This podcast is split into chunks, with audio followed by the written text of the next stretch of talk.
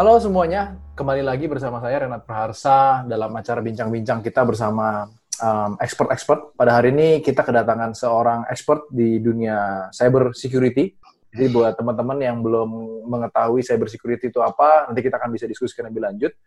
Uh, jadi uh, tokoh yang kita kedatangan hari ini adalah Pak Marcel, Alexander Marcel. Beliau adalah teman saya udah cukup lama, jadi beliau saat ini sekarang kerja di uh, perusahaan IT consultant yang memang fokusnya bergerak di uh, cyber security. Betul begitu Pak Marcel? Betul Pak. Luar biasa Pak Marcel. Pak, apa kabar Pak Marcel? Baik, baik. Pak Renat gimana?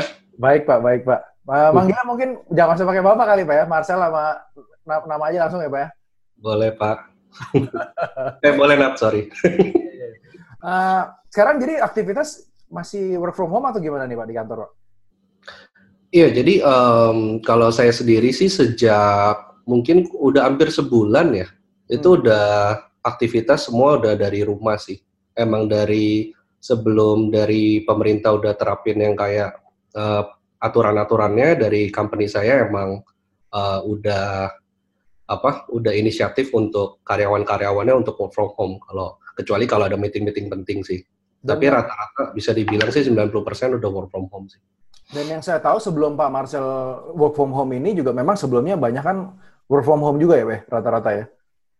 Um, jadi karena emang dari role saya sendiri sih, role saya sendiri kan emang nggak mengharuskan saya untuk datang ke kantor ya, mostly hmm. untuk uh, ya meeting sih, mostly mostly meeting dan juga um, ya kerjaannya bisa remote sih emang dari awal sih. Jadi mungkin work from home ini kalau buat uh, saya dan rekan-rekan saya sih nggak uh, bukan nggak uh, ada culture shocknya lah ya. Maksudnya hmm. udah beberapa kali kita lakukan sih sebetulnya. Oke okay, oke.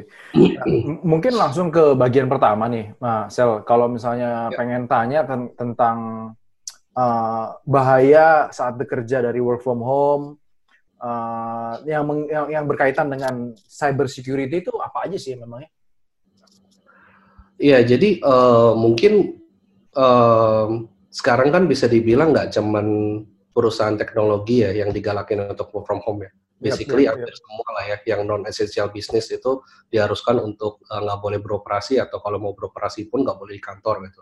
Yep. Jadi rata-rata um, termasuk customer saya sih, maksudnya kayak uh, banking, uh, telco, uh, bahkan government pun udah semua diharuskan untuk work from home. Jadi uh, mungkin uh, di work from home itu tuh sebetulnya ada benefitnya juga sih. Benefitnya hmm. artinya mungkin kayak ya kita bisa ngatur waktu sendiri lah ya. Maksudnya hmm. kalau di hmm, kantor hmm. kan mungkin ada bagi yang masih nerapin mesin assembled itu kita harus datang plug jam 8, hmm. uh, pulang jam 5 atau setengah 6 gitu. Tapi kalau work from home artinya ya um, ya kita bisa atur waktu kita sendiri gitu. Hmm. Tapi uh, mungkin kita harus tahu juga bahaya-bahayanya sih. Contohnya kayak um, kita harus memilih tools-tools yang tepat sih. Maksudnya kalau kita kerja dari rumah artinya kan kita harus bisa punya akses ke uh, internal network kantor. Hmm. Maksudnya kalau kita sebagai HR misalnya, kita HR tadinya kita hanya bisa akses aplikasi HR kita tuh hanya dari kantor gitu. Yep. Tapi karena kondisi work from home ini memaksa kita untuk bisa akses aplikasi HR itu tuh di mana pun dia berada gitu, melewati internet. Tapi kan artinya kalau melewati internet itu kan um, best practice-nya ya. Ada baiknya kalau dari tim IT kita tuh nggak langsung expose aplikasinya over di internet gitu. Hmm. Di mana itu kan hanya sangat bahaya sekali ya. Artinya semua orang bisa akses gitu kalau caranya seperti itu. Jadi beberapa cara yang udah dilakuin sama perusahaan IT itu tuh rata-rata uh, ada dua cara sih kalau saya lihat yang trending ya. Satu tuh pakai uh, VPN, mungkin itu udah terminologi normal ya, maksudnya bukan non IT pun udah tahu lah ya yep, soal yep, yep. Kedua tuh mungkin yang banyak belum tahu tuh namanya uh, eh, VDI. Hmm. VDI itu tuh artinya tuh uh, singkatan dari virtual desktop sih.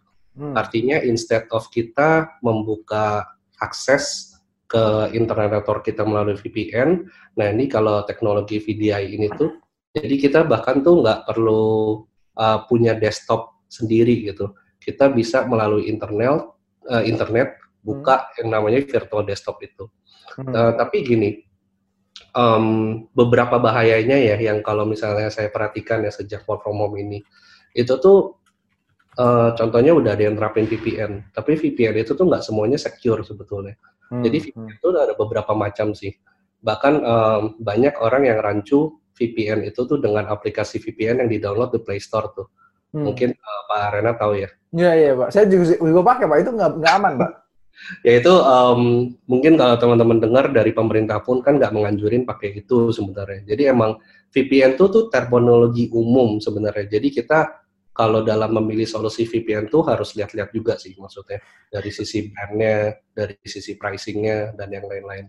Tapi rasa, tapi sebelum kita masuk ke VPN dan VDI tadi Pak Marcel, uh, mungkin saya mau tanya dikit terkait apa sih emang bahayanya kenapa kalau misalnya saya saya kan lagi kerja nih di rumah gitu kan saya ya. akses data-data di kantor Uh, tadinya kan saya menggunakan internet kantor, sekarang saya menggunakan internet di rumah. Kan nggak ada bedanya, Pak. Saya kan mungkin memang langganan di rumah sendirian, sedangkan di kantor ya. kan di kantor. Tapi kan tetap tetap aja sama Pak. Laptop di sini saya ke internet.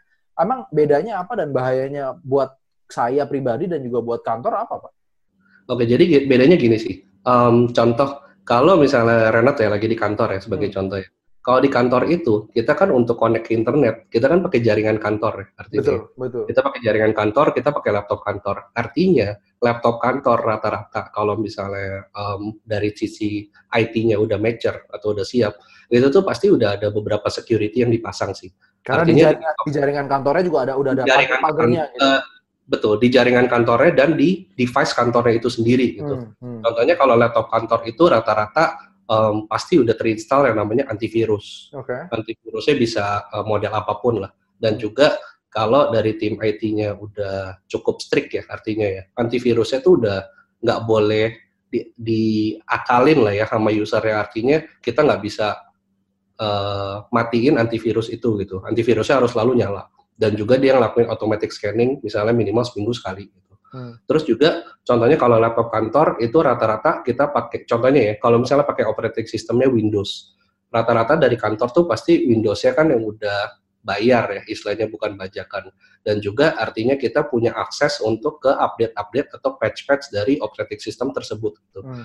Kalau misalnya emang pakai laptop pribadi nih jangan sampai user-user kita tuh masih pakai contohnya Windows 7 apalagi Windows XP gitu yang hmm. di mana itu kan udah support dan juga banyak virus kan istilahnya kan jadi kalau banyak virus ya tentu aja kita tahu lah kalau misalnya OS itu nggak diupdate artinya dia tuh rawan untuk di-attack kan istilahnya kan jadi hmm. itu salah satu perbedaannya terus juga contohnya gini kalau itu dari sisi device ya kalau dari sisi network contohnya gini kalau di laptop kantor eh di jaringan kantor misalnya kita buka email buka email terus kita dapat suatu um, email lah ya dari hmm. siapa pun itu gitu. Email nah, beneran apa email pak email spam nih?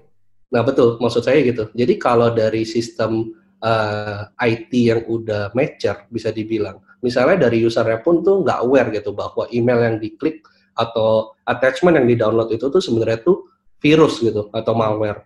Kalau kita terhubung dengan dengan jaringan kantor, setiap traffic yang dilakukan oleh user, setiap action yang dilakukan oleh user, itu harusnya dimonitor karena dengan security device punya kantor gitu. Oh. Jadi security device kantor tuh bisa tahu yang di-download sama Renat nih misalnya itu adalah virus gitu, makanya otomatis di blok. Pernah kejadian kayak gitu nggak kira-kira? Hmm, hmm, hmm, nah okay. kalau di laptop pribadi dan jaringan internet, artinya kan nggak ada security seperti itu kan. Artinya hmm. kalau dari nggak aware, itu bisa aja dia nggak sengaja download virus atau malware gitu. Jadi kalau misalnya jaringan pribadi di rumah uh, menggunakan laptop kantor pun tetap masih ada resiko gitu. Betul, betul, betul. Tapi at least uh, kalau pakai laptop kantor, walaupun dengan jaringan rumah, at least tuh ada antivirusnya lah, at least yang ah. Tapi tetap masih masih kemungkinan ada ada Tapi apa? tetap ada bahayanya. Contohnya contoh yang lain nih ya. Uh, kita untuk connect ke internet kan rata-rata kita connect ke wifi router kan. Yep, yep. Routernya router rumah gitu. Yep. Itu pasti um, ya tergantung jenis orangnya ya. Tapi saya bilang kalau misalnya orang um, bisa dibilang ya awam gitu atau yang mungkin uh, non IT ya. Rata-rata tuh mungkin uh, kita uh, berlangganan ke uh, service provider disettingin asal bisa connect jalan terus beres kan. Uh-huh. Tapi sebenarnya hal-hal itu tuh kalau kita biarin settingan default itu tuh sebetulnya bahaya sih. Saya kasih contoh gini, siapa pun tuh sebetulnya bisa connect kan ke WiFi kan. Hmm. Uh, walaupun kita kasih password, sebenarnya secara jaringan tuh kita bisa connect gitu. Hmm. Dan juga rata-rata orang tuh um, begitu udah service provider setting, mereka tuh lupa untuk ganti, ganti. password. Oh. Tapi ganti pas uh, WiFi itu tuh ada dua sih passwordnya sebetulnya. Satu untuk connect ke jaringannya, satu tuh untuk connect ke admin page-nya. Oh. Mungkin ada ke iya, admin iya, page. Nah, ke, ke device-nya berarti ya? Device-nya, ke device routernya gitu. Jadi rata-rata orang tuh lupa untuk ganti passwordnya. Paling ah. umum kan itu orang kan biasanya pakai password tuh begitu uh, freshly install dari pabrikan itu kan misalnya username admin, password admin gitu. Hmm. itu rata-rata ada yang lupa ganti gitu. Hmm. Nah makanya orang kalau misalnya saya nih sebagai hacker ya saya tahu nih rata-rata di apartemen saya atau di daerah rumah saya tuh pasti ya rata-rata pakainya apa sih routernya itu itu aja gitu. Passwordnya by default tuh uh, apa gitu. Ya udah saya bisa ngelakuin kayak brute force atau coba-coba untuk connect. Nanti once udah ke connect dari hacker bisa masuk, itu tuh semua apa yang bisa dibilang ya transaksi yang dilakukan oleh yang menggunakan router itu itu tuh bakal bisa terbaca sih oleh saya. Jadi maksudnya misalnya saya beli barang di marketplace, di Tokopedia atau di mana gitu bisa bisa bisa kedetek semua. Bisa, bisa. Termasuk termasuk data kredit card juga. Betul, betul. Um, itu case by case sih, tapi um, once kita udah bisa masuk ke jaringan tuh artinya gini sih, kita bisa memonitor apa pun yang dilakukan oleh user yang connect ke WiFi tersebut sih sebetulnya. Itu hmm. tuh bisa dibilang jadi jalur pintu masuk untuk dia ngelakuin attack-attack berikutnya sebetulnya yang mungkin tuh lebih berbahaya kayak contohnya yang kayak tadi Renat bilang kayak ambil data kartu kredit lah atau ambil data-data sensitif related ke dokumen kantor misalnya seperti itu. Hmm. Berarti bisa, berarti misalnya tadi apa uh, jaringan internetnya udah diambil gitu, semua file yang kita kirimkan cukup kayak kirimkan pun juga bisa diambil-ambil gitu, bisa bisa kelihatan semua. Yang paling parah possibility-nya bahkan dia tuh bisa ngontrol akses uh, device yang connect ke WiFi tersebut sih sebetulnya sih. Jadi kalau misalnya Renat udah connect ke suatu WiFi, saya bisa masuk ke admin page-nya gitu. Dan nanti tuh um, dengan beberapa step sebenarnya saya tuh sebagai hacker tuh mungkin bisa langsung connect ke laptop Renat untuk ngambil data atau mungkin berbuat sesuatu sih. Gitu.